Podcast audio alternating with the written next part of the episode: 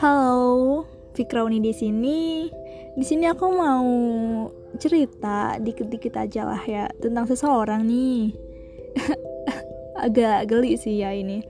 Ya tentang orang lah pokoknya yang lagi ulang tahun nih di hari ini. Jadi silahkan didengarkan ya.